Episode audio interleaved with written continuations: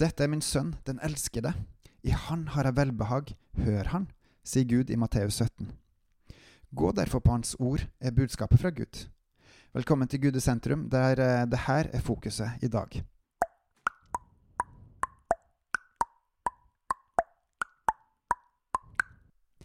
Seks dager etter tok Jesus med seg Peter, Jakob og hans bror Johannes og førte dem opp på et høyt fjell hvor de var for seg sjøl. Og han ble forklara for deres øyne. Hans ansikt skinte som sola, og hans klær ble hvite som lyset. Og sjå, Moses og Elias viste seg for dem og talte med han. Da tok Peter til orde og sa til Jesus, Herre, det er godt at vi er her. Om du vil, så skal jeg bygge tre hytter til deg, en til deg, en til Moses og en til Elias. Her er det mye rart som skjer. For Jesus han prater med Moses og Elias. Et spørsmål jeg nettopp tenkte på, hva prata de om? Hva ville du ha prata om hvis du møtte noen som levde for 2700 år før det? Ikke veit jeg. Og eh, videre så er det jo sånn at det må ha vært ganske rart å være vitne til dette. At man har aldri sett døde mennesker før, eller levende mennesker, døde levende mennesker, og plutselig så står der man med folk som har levd for lenge siden, som bare har lest bøker av hva de har skrevet om. Da, for noe. Og så står de rett foran de. Jeg tipper at denne opplevelsen har vært veldig veldig rar for Peter, Jakob Johannes. Og Samtidig så er det vel slik at de hadde allerede vært med på en del uforklarlige ting, og her var atter en uforklarlig ting som de var vitne til. Og Peter, han, Det beste han klarte å tenke ut, var at han skulle bygge en hytte til hver av de. Det må virkelig vært rart å være vitne til det dette. Og så kommer det en enda større ting, for i vers 5 så står det Enda mens han talte, se, da kom en lysende sky og skygga over dem. Og se, det lød en røst ut fra skyen som sa, Dette er min sønn, den elskede. I han har jeg velbehag, hør han.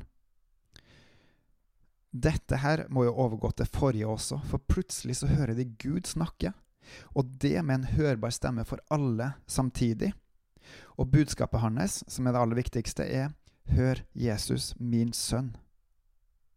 Og hva ligger så i dette hør? Det ligger faktisk ikke bare å høre på han, men også å gjøre som han eh, sier. Det å følge det han sier. Men skal du vite hva, han, eh, hva du skal gjøre, så må du høre på han først, det som Jesus sier. Videre så står det Da siplene hørte dette, falt de ned på sitt ansikt, fylt av frykt. Og Jesus gikk bort og rørte ved dem og sa, Stå opp og frykt ikke. Men da de så opp, så de ingen uten Jesus alene. Og da de var på vei ned fra fjellet, bød Jesus dem og sa, Fortell ingen om dette synet før menneskesønnen er oppstått fra de døde. Dette er en veldig annerledes opplevelse enn hva de noensinne har opplevd før. De hadde sett folk bli helbreda og bli gjort friske, og lamme som kunne gå, og blinde som kunne se, og onde ånder som var fart ut av diverse mennesker.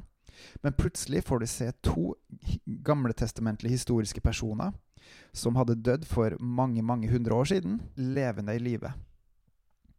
Og i tillegg så taler Gud ut bare i ut av en sky, skulle du si. Eh, men han står rett og slett bare Du bare hører røsten til Gud som snakker til deg, mens de alle hører det samtidig.